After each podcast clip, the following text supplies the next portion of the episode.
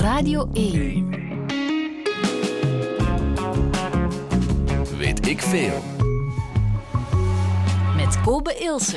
Bijzonder goedemiddag. En ik zeg tegen u goedemiddag. En ik zeg goedemorgen tegen mijn gast vandaag. Björn in Brooklyn. Goedemorgen. Goedemorgenmiddag.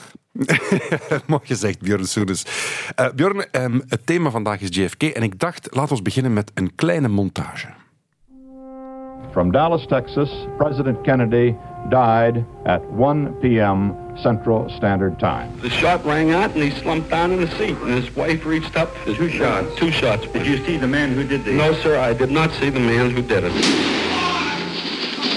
He's been shot. He's been shot. Lee Oswald has been shot. The Biden administration and the National Archives are being sued for postponing the release of thousands of the most sensitive documents related to the assassination of President John F. Kennedy. Ask not what your country can do for you. Ask what you can do for your country. Ja, als een weet ik veel over de persoon JFK begint als een soort filmtrailer, dan is er wel wat te vertellen, denk ik, hè Björn? Absoluut, over uh, president 35, tussen haakjes, we zitten nu aan president 46. Er valt heel veel te vertellen. De man is jong gestorven, hij was 46 en een half jaar oud. Voor mij is dat tegenwoordig al een jonkie. um, ja, dit is en blijft een mythische president. Als er één president is die mensen kennen, ook al zijn ze niet in politiek geïnteresseerd, dan is het JFK, John ja. F. Kennedy. Is het meer een showbiz-figuur dan een president?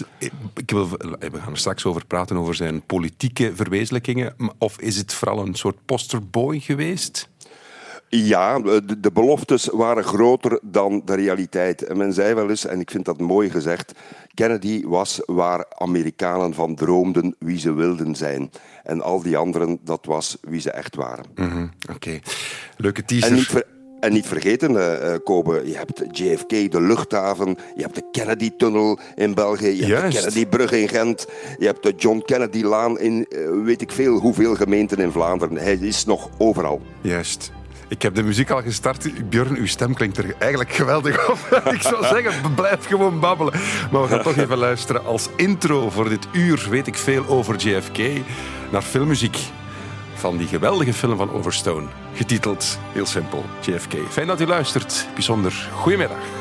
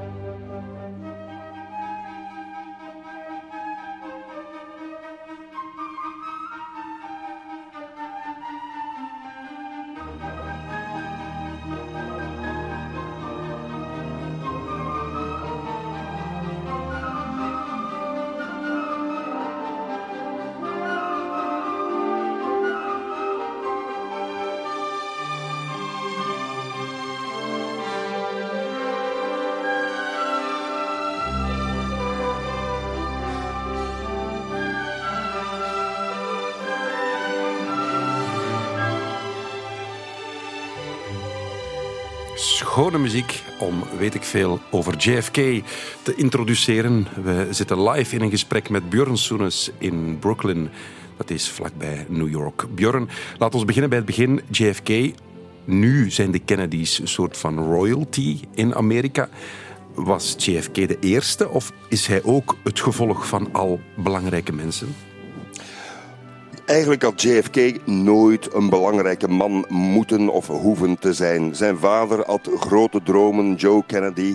En hij dacht dat zijn oudst geboren zoon, Joe Jr., de man zou zijn die eer zou brengen voor de hele familie Kennedy. Maar die jongen is verongelukt uh, met het vliegtuig in 1944. Hij was 29 jaar oud en toen was het aan de tweede zoon, JFK, John Fitzgerald Kennedy. Hij was de tweede van negen kinderen. Je moet Uh, eens kijken als je tijd hebt naar, naar foto's van de moeder, Rose Kennedy. En Rose die is 105 jaar oud geworden en die heeft heel veel drama meegemaakt uh, met haar uh, kinderen, doden, vermoord enzovoort. Maar JFK was dus voorbestemd via zijn vader en de dromen van zijn vader om een groot iemand te worden. En dat is ook gebeurd. Ik kijk nu naar een foto van uh, Rose Fitzgerald. Ook zij heette Fitzgerald Kennedy Ja, dus die F is, is gemeenschappelijk. Ierse roots, hè. Ierse roots. Ah, dat is een Ierse familie. Die vader ja, die, die was uh, even ambassadeur in Londen, zelfs voor de VS, werd teruggeroepen, had een beetje te veel sympathieën voor de nazi's, vond dat de Britten een, een akkoord moesten sluiten met Hitler om oorlog te vermijden. En hij was intussen in de jaren dertig ook heel erg actief geweest in het smokkelen, uh, kopen van uh, whisky naar de VS. En dat was mhm. in de tijd van de drooglegging. Weet je nog, die periode in de VS waarbij ze dachten uh, dronkenschap terug te kunnen dringen door alle alcohol te verbieden. Het gevolg was dus, het, het, ontstaan van de maffia, het ontstaan van allerlei criminele bendes. En Joe Kennedy was een bootlegger, een drankensmokkelaar, dus had ook waarschijnlijk zelfs banden met de maffia. Mm Mag ik dan vragen, uh, ja, nu je dat zegt over bootleg en drinken, John F. Kennedy in zijn leven heeft ook wel wat feest gevierd. Zo zie ik het toch. Klopt dat? Het, was geen uh, drinkenbroer of zo, maar hij heeft veel feest gevierd met heel veel vrouwen. Vooral, ja, toch, hè? Uh, kopen. Hij heeft, heeft veel, veel affaires gehad. Um, wil, wil je het daarover hebben, over de affaires? Dat kan, hè? Tuurlijk. Dat, dat, dat, is tuurlijk, de juicy stuff. Kom aan. Wel, kijk, John F. Kennedy was geboren in 1917, dat is lang geleden, midden in de, Eerste Wereldoorlog. En in 1940 al, uh, bij het begin van de oorlog, had hij een verhouding met uh, Inga Arvat. En dat is een Deense journaliste geweest. En mogelijk was ze een nazi-spionne. Weet je nog wat, wat ik vertelde over de, banden met de vader? Mhm. Waarschijnlijk heeft hij haar zo leren kennen. Maar hij heeft heel veel verhoudingen gehad. Het was een mooie jongen. En eigenlijk was hij oorspronkelijk niet zo mooi kopen. Hij was een beetje mager, um, een beetje, beetje ingevallen uh, wangetjes. Maar toen werd hij ziek. Niemand heeft dat ooit geweten uh, in die tijd dat hij de ziekte van Addison had. Dat is een ziekte die, die de bijnieren aantast, de hormoonhuishouding verstoort. En hij moest heel veel uh, cortisone nemen. Mm -hmm. en door die cortisone zwol zijn gezicht een klein beetje op wat de Kennedy maakte zoals hij nu is, met de lichtbolle wangetjes, het prachtige kapsel. Zijn broer was nog, nog, nog, uh, nog sexier dan hij met dat kapsel, door zijn uh, hand altijd door dat haar heen te woelen. Robert Kennedy, uh, een stuk jonger dan hij, elf jaar jonger.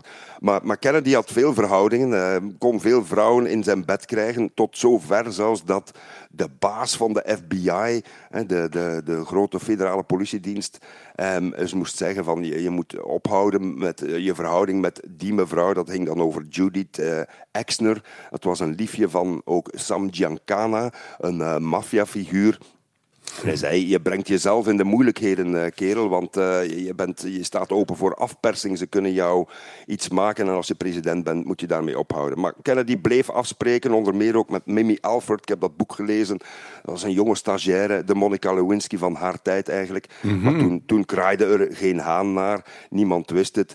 Uh, alleen de, de staf van uh, Kennedy wist het. Hij moest dan afspreken onder een valse identiteit naar een slaapzaal van, van jonge studenten gaan. Daar mee in bed kruipen met Mimi Alford.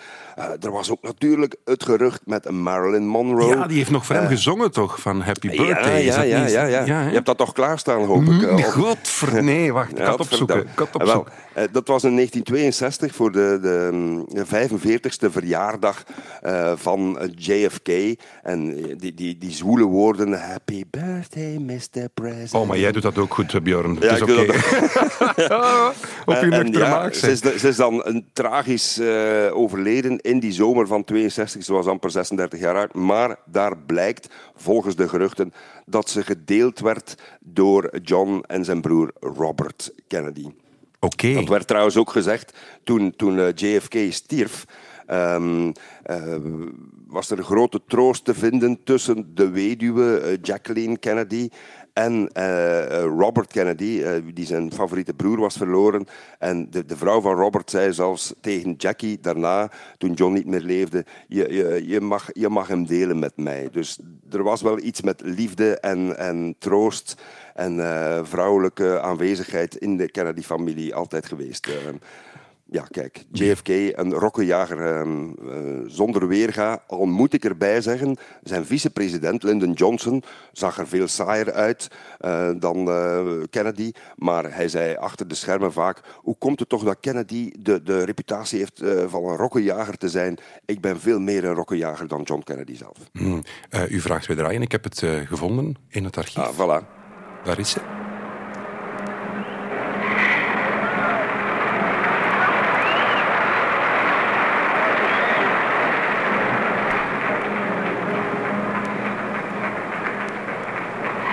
Happy birthday to you. Happy birthday to you. Happy birthday. Mr. President, happy birthday to you. Als dat geen booty call is. Amai. Dat is prachtig. En dat is hier in mijn stad, dat is in Madison Square Garden, waar nu de New York Knicks basketbalploeg speelt, maar wat ook Elton John optreedt, of, of Kiss, of een of andere andere Mhm. legendarische groep. Dat was op 19 mei 1962 dat ze daar voor de president stond te zingen. Historisch. Nochtans, ik zie Kennedy en ik, als ik erover lees, ja, het geheim van zijn presidentschap, zeker in het begin van zijn campagne, was net de man naast de prachtige vrouw en het kleine kindje, de family man. Dat speelde hij ook uit. Maar dat was hij ook. Je kunt vele dingen zijn in het leven, Kobe. En, John, Ja, maar F. ja. John, John F. Kennedy was dat. En, en ja, de, de, de boekjes, de boekjes, die smulden daarvan. Want voor het eerst kwam daar eens een jonge president. De, zijn voorganger wa- was het grootste contrast. Dat was eh, Dwight Eisenhower, een ex-generaal. Eh, toen oud voor zijn tijd, toen hij aftrad. Hij was toen 70, nu zouden ze dat het nieuwe 55 noemen, bij wijze van Mhm. spreken. Maar toen was dat oud en toen kwam daar voor het eerst een man die in de 20ste eeuw geboren was, 27 jaar jonger was dan zijn voorganger Eisenhower eh, van 1917, verkozen toen hij 43 jaar oud was. Dat is piepjong, ook in politieke termen. Alleen, alleen eh, Teddy Roosevelt was jonger toen hij aantrad, was, was eh, 42. En ja, een jong gezin. Caroline Kennedy was bij, bij de verkiezing drie jaar oud. Ja. Eh, eh, John Jr. eh, was, was één jaar oud. Dan hebben ze nog een kindje gekregen tijdens het presidentschap. Dat is dan vrij snel overleden, na een paar dagen.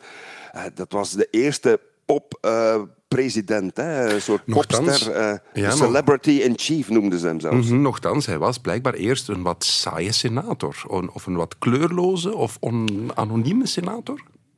Kijk, eh, ook Obama, eh, voor hij een charismatische president werd, met, met grote bergredes, speeches, grote woorden. Kennedy was eigenlijk een beetje hetzelfde. Ehm, Kennedy ontpopte zich als president tot een man van grote speeches. Hij had wel een boek geschreven toen hij nog in de Senaat zat. Maar voor de rest was hij vrij conservatief. Hij stemde soms tegen eh, zaken. Hij was een hevig anti-communist. Eh, toen hij nog eh, lid was van de Senaat, was hij zelfs niet erg kritisch tegenover Joe McCarthy als een van de enigen in zijn partij. Ehm, ja, maar, maar hij had een machtige familie en een enorme uitstraling. Hè. Dat wordt ook gezegd. Zijn tegenkandidaat voor presidentschap heeft trouwens heel nipt gewonnen, maar hij had 100.000 stemmen meer. En sommige daarvan betwist. En op, op, in een land als Amerika is 100.000 stemmen vrij weinig. Hij moest opkomen tegen Nixon, waarvan iedereen nu denkt: oh, Nixon was al heel oud. Nee, Nixon was 47 jaar. Toen, toen hij voor het eerst tegen Kennedy opkwam, dus ook nog jong. Maar ja, de televisie kwam op en ze zagen daar een jonge, stralende man, goed geschminkt. En Nixon was niet geschminkt. Zag er een beetje zweterig uit, zag er een beetje ziekjes uit, was net ziek geweest. Vond dat allemaal niet belangrijk.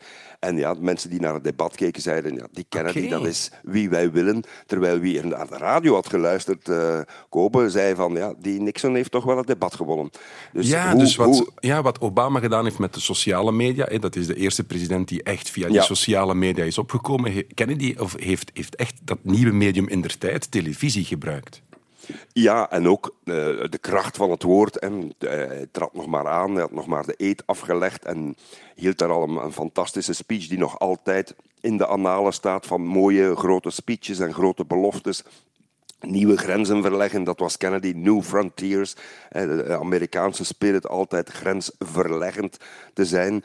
In het begin van, van het land eerst naar het westen, daarna ook naar omhoog. Hij zei, we gaan dit decennium de ruimte in. Mm Zei hij in 1961 op die koude winterdag, 20 januari. En kijk, acht jaar later zaten ze al op de maan. Hij zei ook voor het eerst dat mensen maatschappelijk betrokken moesten zijn, dat ze zelf de handen uit de mouwen moesten steken. Uh, beroemde speechstuk waar hij dan uh, vertelde: uh, vraag niet wat het land voor jou kan doen, maar vraag wat jij voor het land kunt doen. Zo'n beetje dienstbaarheid die uit de mode is geraakt in onze tijd, maar dat toen ja, heel erg modieus werd om iets te doen voor je land. En Kennedy deed heel veel, ontplooide heel veel van die initiatieven om de jeugd te mobiliseren, actief te zijn in het buitenland, in ontwikkelingshulp mm enzovoort. Dus op dat vlak heeft hij wel uh, effectief iets kunnen uh, in gang zetten.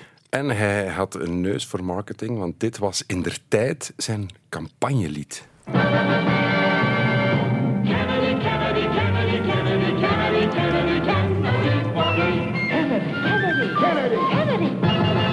Do you want a man for president who's seasoned through and through, but not so doggone seasoned that he won't try something new? A man who's old enough to know and young enough to do. Well, it's up to you, it's up to you, it's strictly up to you. Do you like a man who answers straight, a man who's always fair? We'll measure him against the others, and when you compare, you cast your vote for Kennedy and the change that's overdue. So it's up to you, it's up to you, it's strictly up to you. Yes, it's Kennedy, Kennedy, Kennedy, Kennedy, Kennedy, Kennedy, Kennedy, for me.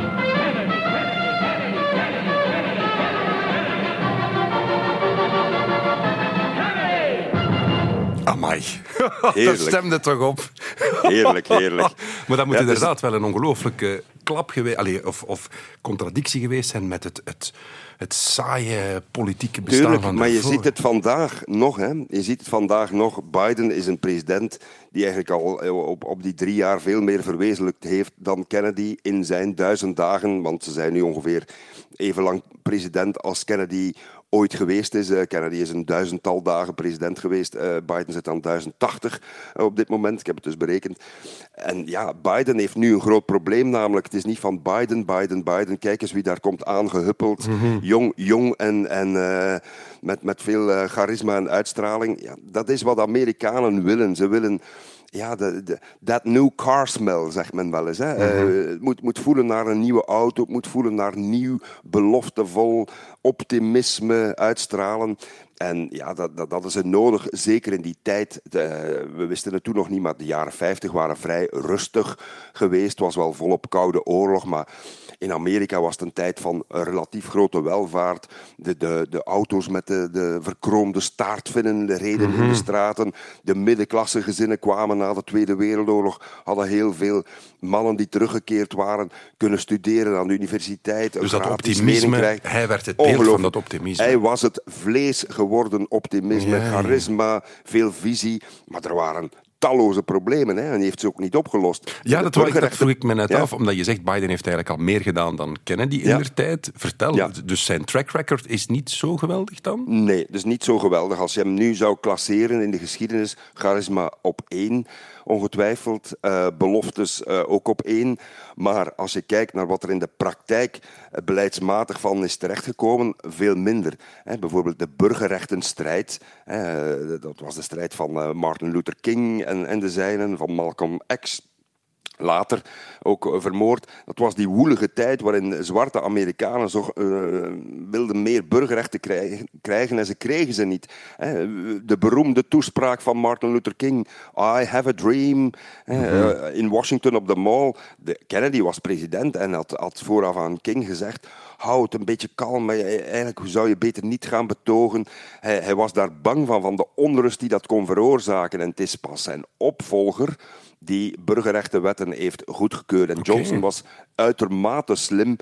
Uh, Kennedy was pas vermoord en nog, nog geen anderhalve week later zei Johnson in het parlement: Kijk, om onze dode president te eren, hij zou niet liever gewild hebben dan burgerrechtenwetten. En Johnson wist dat het misschien nog jaren zou geduurd hebben, maar hij maakte gebruik van de dood en de populariteit Mhm. van de gedode, vermoorde president om die burgerrechtenwetten door de strot te duwen van het parlement. En het is ook effectief gebeurd, maar tijdens eh, het presidentschap van Kennedy zelf is er weinig of niets gebeurd. Omdat Zijn broer zegt- liet zelfs King afluisteren. Martin Luther King werd afgeluisterd op, op aangeven van Robert Kennedy. Ze, ze vertrouwden hem niet. Omdat je dat nu zegt, zijn, zijn politiek, omdat hij niet voor die... die ehm, Aanvankelijk Ja.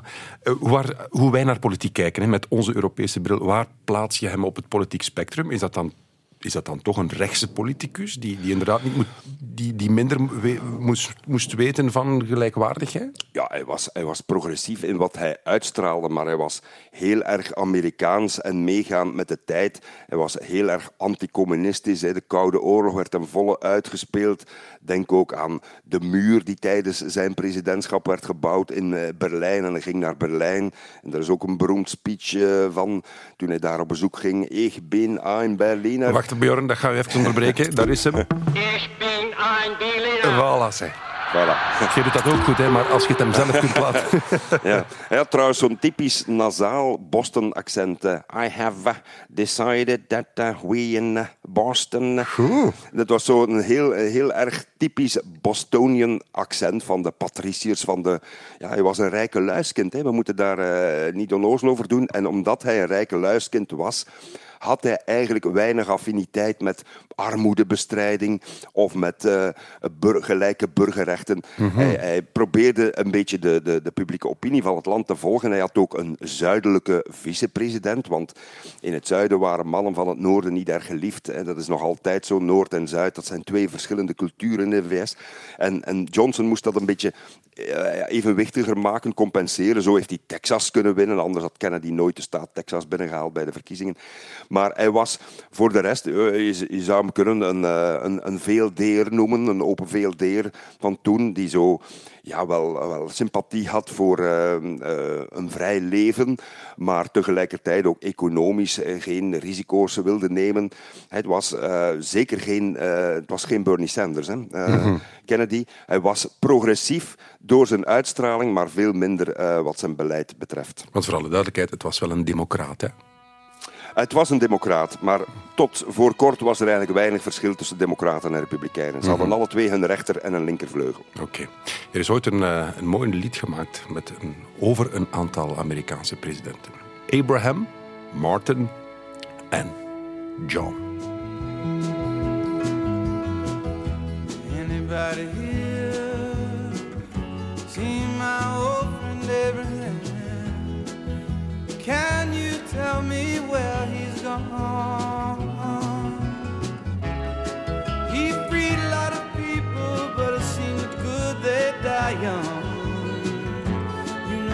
just looked around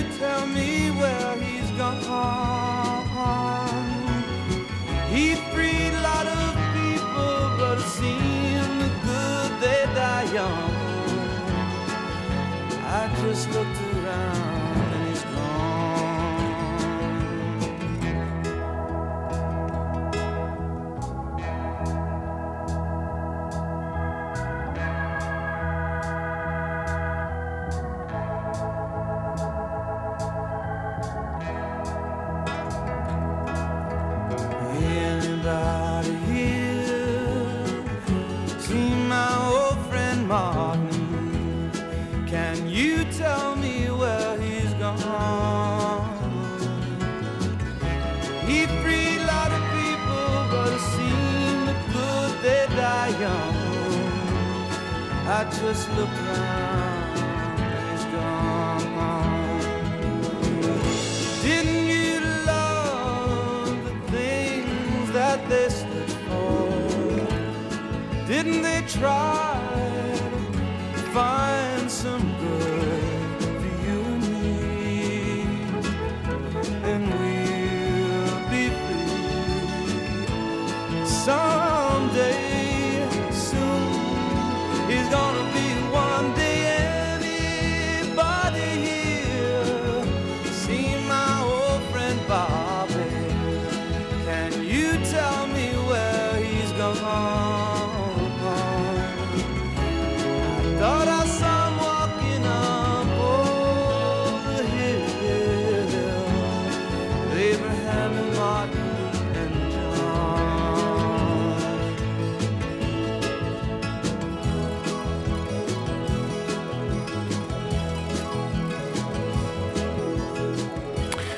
Björn, ik laat u de plaat afkondigen.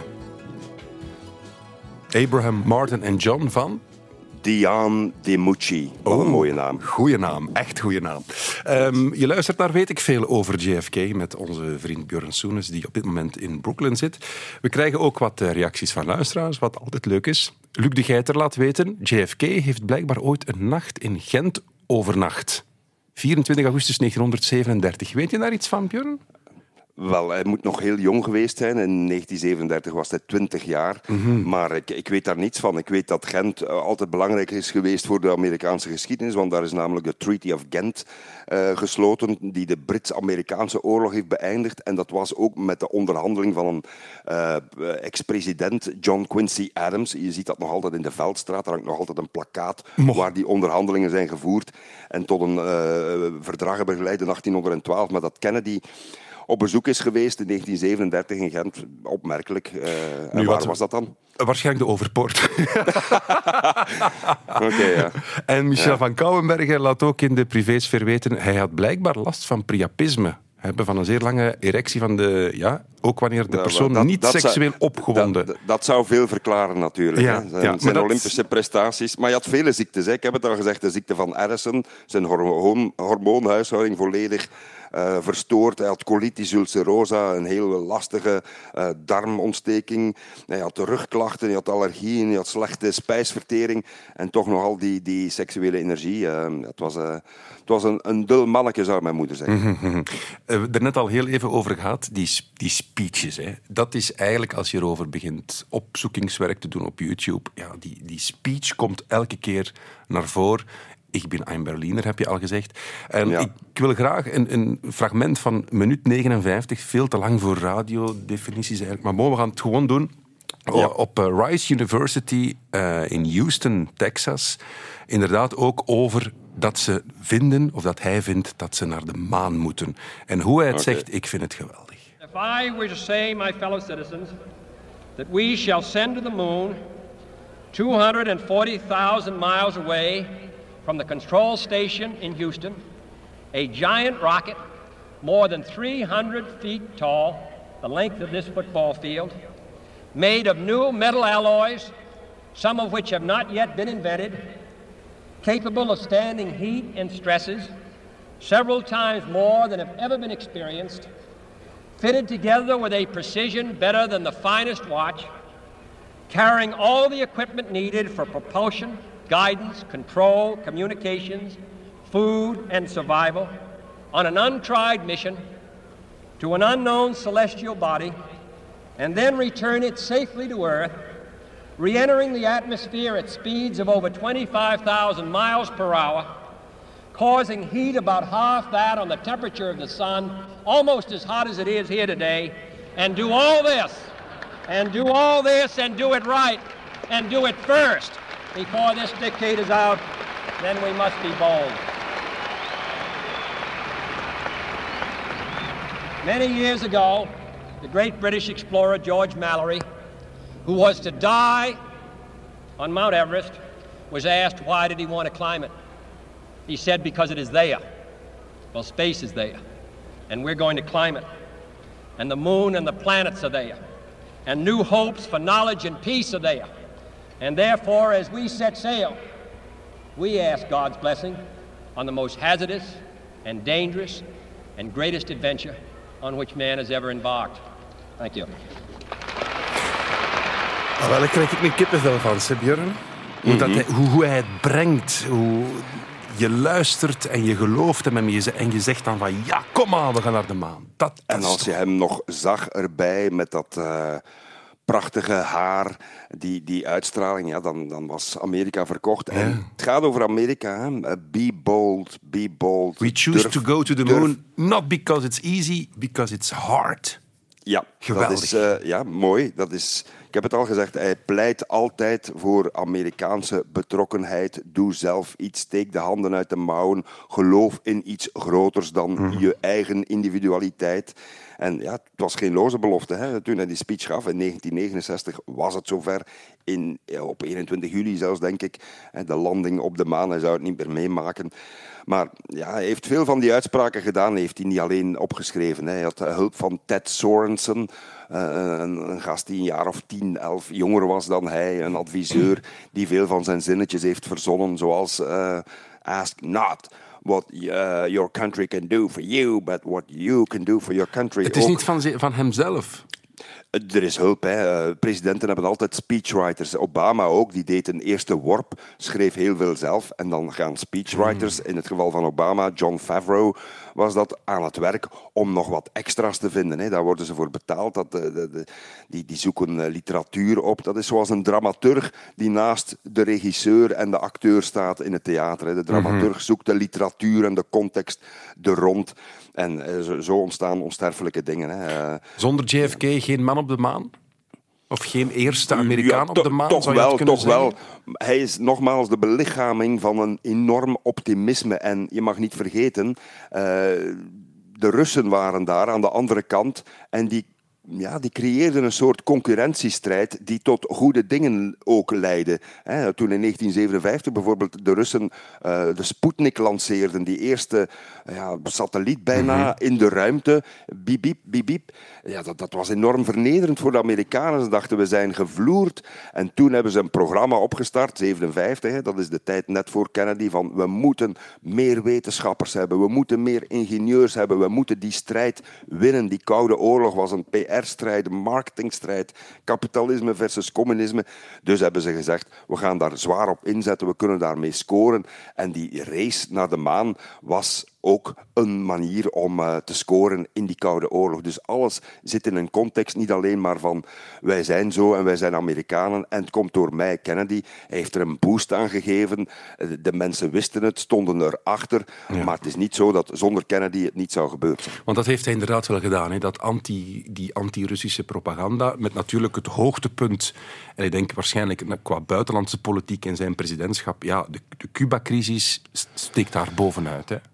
Ja, hij had, had twee Cuba-crisissen. Hij, was nog maar drie maanden president uh, in april 1961. Hij heeft de eet afgelegd op 20 januari 1961, dus nog, nog maar drie maanden ver. Kreeg hij een oud plan voorgeschoteld, nog van onder Eisenhower, om uh, een invasie te doen op Cuba. En dat is het Varkensbaai-incident geweest. En dat Varkensbaai-incident is volledig mislukt. Kennedy zei ook, ik ga mijn luchtmacht terugtrekken. Dit wordt een afgang tot en met. Het is hem nooit vergeven. Sommigen zeggen dat daar de kiem is gelegd voor zijn, zijn moord. Hè, omdat hij de, de, de, de anti-Castro-Cubanen tegen de haren instreek door die invasie niet meer te steunen. Want het was geen invasie van het Amerikaanse leger, maar van... Ja, anti-Castro-activisten uh, met de steun van de CIA, maar ze zijn allemaal neergemaaid of gevangen genomen in 61. Dus een enorme vernedering voor Kennedy. En toen zei hij, ik, ik moet niet meer weten van al die generaals. Hij had altijd een strijd met het leger en dat kwam opnieuw in de Cuba-crisis, waar jij naar verwijst, dat is oktober 1962. Toen was hij al uh, toch, toch bijna twee jaar president. En toen ontdekten de Amerikanen dat er raketten waren geplaatst op Cuba in de achtertuin van de VS, bij wijze van spreken als je in het zuiden van Florida staat. Uh, Zie je of, ze op de, staan, of, ja. of op de Keys, Key West, uh, kun je met je verrekijker bij wijze van spreken Cuba zien. Dus dat lag vlakbij. En ze zagen dat er daar raketten stonden. Een grote crisis barstte los. En toen heeft Kennedy uh, iets beleden wat nu, nu veel lof oogst, maar toen uitermate gevaarlijk was. Ze noemen dat brinksmanship. Uh, dat is tot aan het randje gaan om je gedachten te krijgen. En het randje gaan was van, oké, wij sturen een vloot, wij gaan dus noods Cuba binnenvallen als die raketten niet weggaan. En de, de leider toen was uh, Nikita Khrushchev. Uh, en en ja, door, door onderhandelingen, tien dagen lang hield de wereld zijn adem in. De, de, de, lange dagen van oktober 1962. En toen gingen die middellange afstandsraketten weg. Is er tussen de VS en uh, Rusland een soort mini-dooi gekomen. Er werd een rode telefoon geïnstalleerd, mm -hmm. een hotline, ja, ja. Uh, om, om zo'n crisissen te vermijden, om niet meer dingen onverwacht te doen. Uh, en ja, die ontdekking van die raketten leidde tot bijna een nucleaire oorlog. Hè. De, de ja, hoe dicht hebben we daarbij gestaan? Hoe dicht hebben we daarbij gestaan? Ik was uh, min zes jaar toen, dus uh, ik was er niet bij. Maar als je de films bekijkt, de literatuur leest daarover, ja, iedereen dacht, we, we, gaan hier, uh, we gaan hier af op de totale vernietiging. En toen heeft Kennedy getoond dat hij het waard was om in hem, in hem uh, te geloven. Want hij heeft toen ja, de, de haviken die zeiden: we moeten nu binnenvallen, we moeten ze met geweld verwijderen en we moeten uh, hier een, een, een, punt maken. Heeft hij de kalmte bewaard, heeft hij geduld geoefend en de druk op Khrushchev opgevoerd, zonder dat er veel. Um, gezichtsverlies werd geleden. Uh, een beetje geven en nemen en kon de, de wereld opgelucht ademhalen. Maar dat was het klimaat. Hè. Na de Tweede Wereldoorlog was er meteen een nieuwe oorlog. Geen warme oorlog, maar een koude oorlog. En waren de, de Sovjets hè, toen nog dat enorme rijk met, met ongelooflijk veel republieken in dat rijk de grote vijand. En Ja, ja. twee systemen concurreerden. En er wordt zelfs gezegd, Kobe, hè, toen had ik het kapitalisme tegenover het communisme. Het kapitalisme moest zichzelf ook in de markt zetten, letterlijk. Met sociale voorzieningen na de Tweede Wereldoorlog, pensioenen, meer vakantieregeling, uh, me meer sociale vangnetten voor mensen. Dat gebeurde ook. En in 89, toen dat systeem viel, dacht iedereen, ah, nu zijn we allemaal kapitalisten, allemaal een goed systeem. En toen is het systeem ook een beetje beginnen afbrokkelen, verharden, want er was geen concurrentiestrijd meer. Dus de Koude Oorlog had ook zijn positieve kant. Je hebt het daarnet al aangegeven, hè? in die communistische, ja, dat complot kreeg een, een heel pijnlijk... Allee, nu, nu ga ik al uit van bepaalde dingen, mag ik eigenlijk niet zeggen. Ik wil gewoon een bruggetje maken naar 22 november 1963. From Dallas, Texas, the flash, apparently official, President Kennedy died at 1 p.m. Central Standard Time, some 38 minutes ago. Ja, wat Walter is, daar, al- ja, wat is daar nu... We kennen allemaal de beelden. De wagen, het hoofd dat naar achter schiet. Zijn vrouw Mhm. Ja. zit naast hem. Ehm, ik, allee, Tucker Carlson heeft overlaatst gezegd, nu dat is geen, geen eh, waarheidsgetrouwe bron of geen eh dubbelcheckbron, hè, dat is een, een figuur van Fox News die nu op zichzelf bezig is, heeft Ja. overlaatst gezegd, het was de CIA. Wat is daar nu eigenlijk van aan? Het was de CIA, het waren de Russen, het waren de Cubanen, het was Johnson, het was de FBI, het waren de oliebaronnen, het waren E.T. en Outer Space Guys.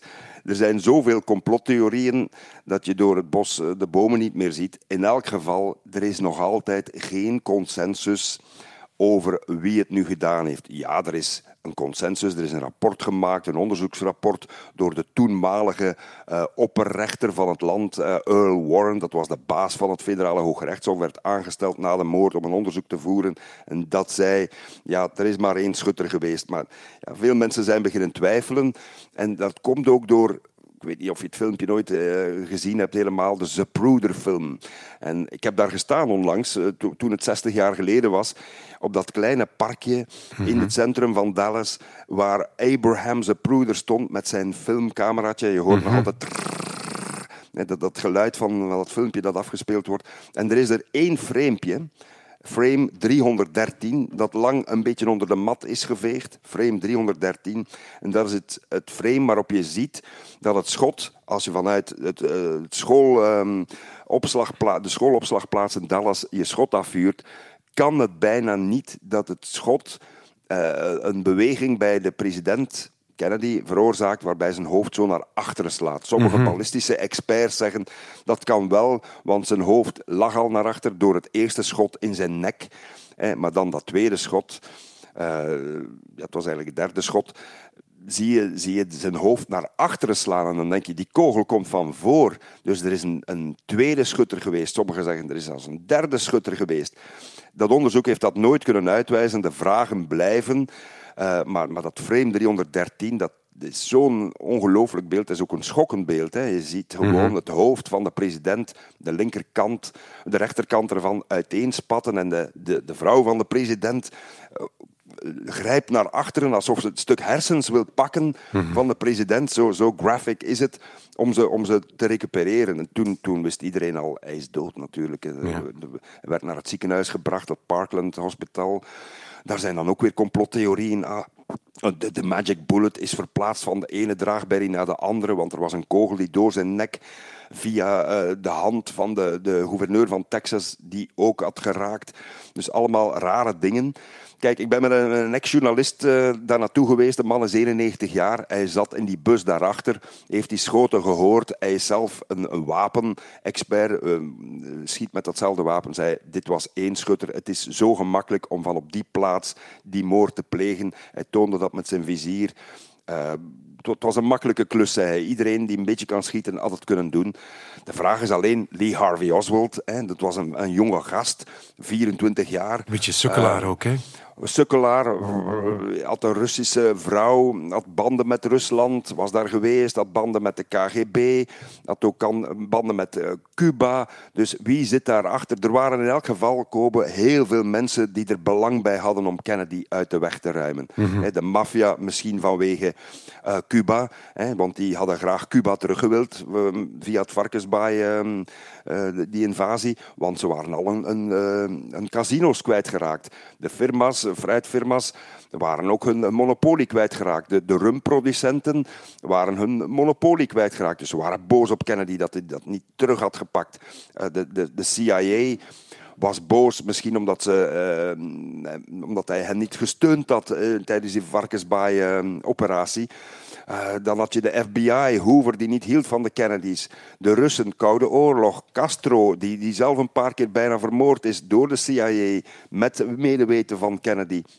Er gebeurden rare dingen in die tijd. En daardoor blijven die complottheorieën bestaan van dat kan toch niet dat een gast, een loser van 24 jaar, daar een baantje krijgt in, in, de, in, in dat kantoor op de achtste verdieping, daar zijn geweer kan meenemen naar zijn werk, daar gewoon uit dat raam hangen, beeld je in nu, als een president zou passeren, dat je uit je raam kan hangen en daar gewoon uh, geweer richten op de president. Nu zou je al lang neergemaaid zijn door scherpschutters op het dak. Het was een andere tijd.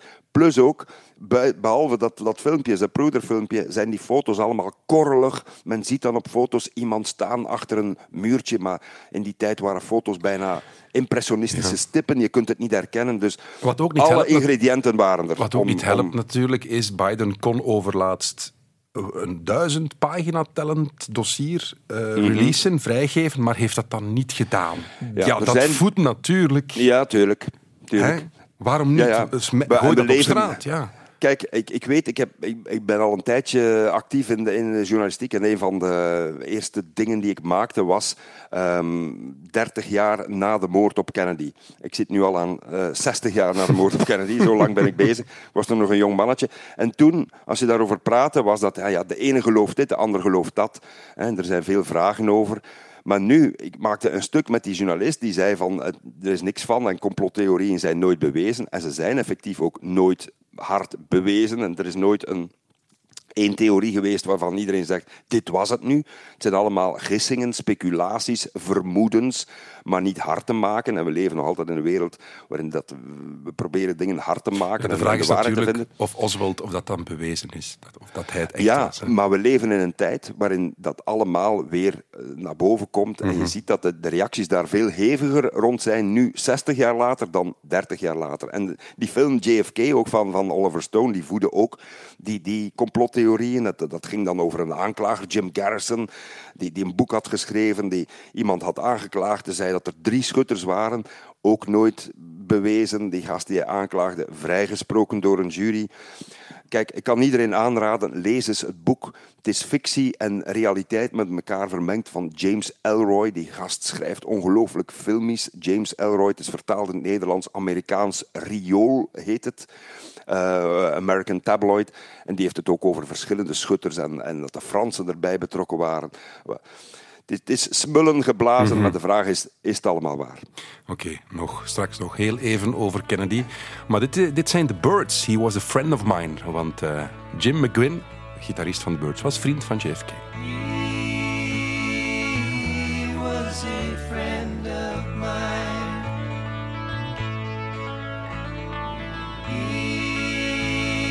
He was a friend of mine. His killing had no purpose, no reason or rhyme. Oh, he was a friend of mine. He was in Dallas town.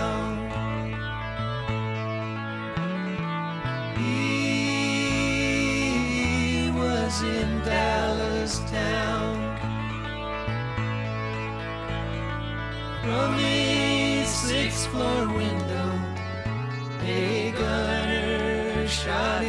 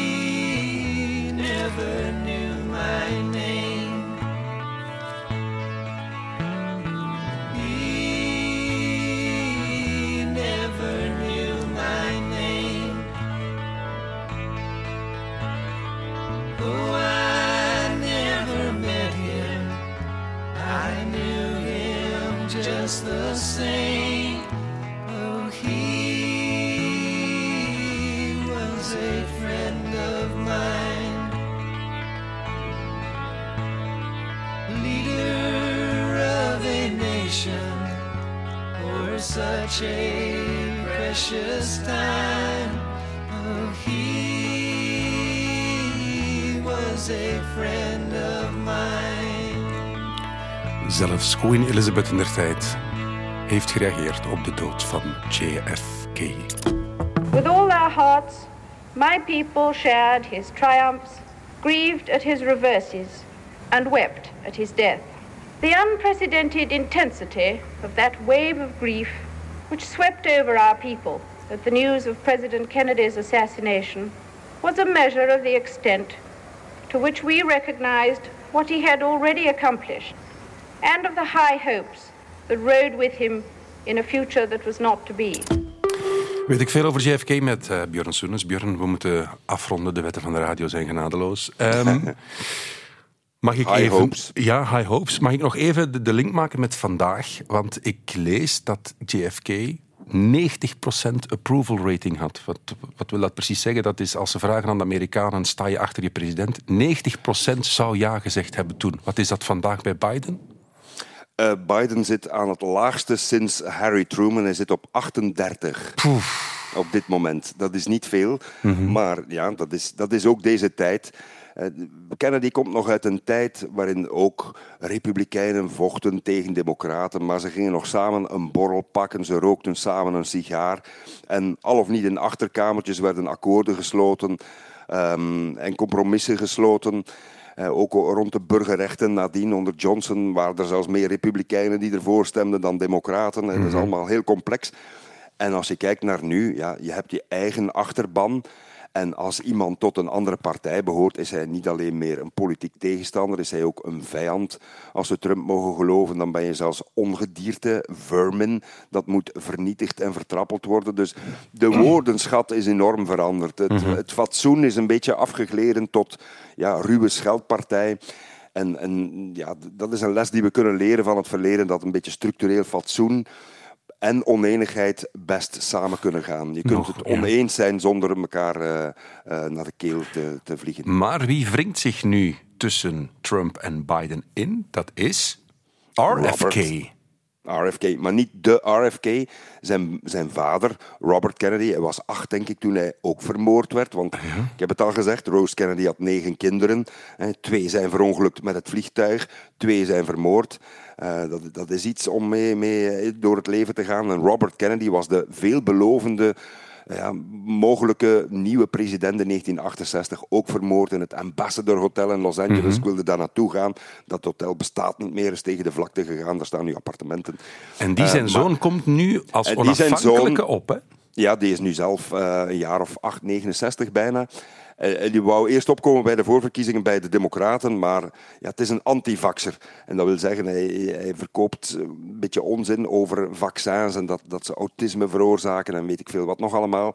Maar hij zou stemmen kunnen afpakken van zowel Biden als Trump. Want hij, hij trekt Trumpisten aan met, met, met de complottheorie, maar tegelijkertijd, het is ook een, een Het is wel een. Het is- advocaat, het is iemand die ja, heeft... maar zijn eh, eigen familie distancieert zich van hem. Hè, Ah, dat ja. was een, een hele goede advocaat die veel gedaan heeft voor consumentenzaken. Mhm. Maar zijn familie is een beetje eh, beschaamd, zeggen ze, dat, over wat hij allemaal vertelt. En hij zegt ook dat JFK door een complot vermoord is enzovoort. En zijn familie staat daar niet achter. Dus ja, het is, eh, Heel is kort nog, een, Björn. lastige positie. Ja, heel kort nog. Wat is de kans dat er volgend jaar opnieuw een Kennedy in het Witte Huis zit? Nihil. Nihil? Nul. Echt? Ah, ja. ja. hij kan ervoor zorgen dat de, de verkiezingen helemaal eh, verward en een andere kant uitgaan. Hij kan misschien 10, 15 procent van de stemmen halen en, en heel de, de, de, de uitslag verstoren, maar zelf president worden zal hij niet. Mhm, Oké, dat is Zeg dat duidelijk. ik het gezegd heb. Pas op, want dit gaat ooit misschien tegen Ja, u gebruikt worden. goed. Doe maar. Björn, mag ik u eh, danken om eh, zo vroeg op te staan voor ons. Om ons mee te nemen in het onwaarschijnlijke leven, veel te korte leven van eh, John F. Kennedy. Maar ik, als je op, in 10 seconden kan antwoorden. JFK was, schuine streep, is... Een belofte die nooit echt is waargemaakt. Hmm, dat is food for thought, zou ik zeggen. Björn Soenes, dank u wel. Ik maak graag reclame voor ons eh, podcast-event van eh, de VRT. Op 9 maart in Mechelen gaan we live podcasts maken. En u kan daarbij zijn. Weet ik veel is daar ook. U kan live zien hoe we het hebben over humor, over comedy, over stand-up comedy. Want dan is Alex Eiknoek de gast in Weet ik veel live in Mechelen. VRT Max voor al info. Björn, zeer bedankt. Salut.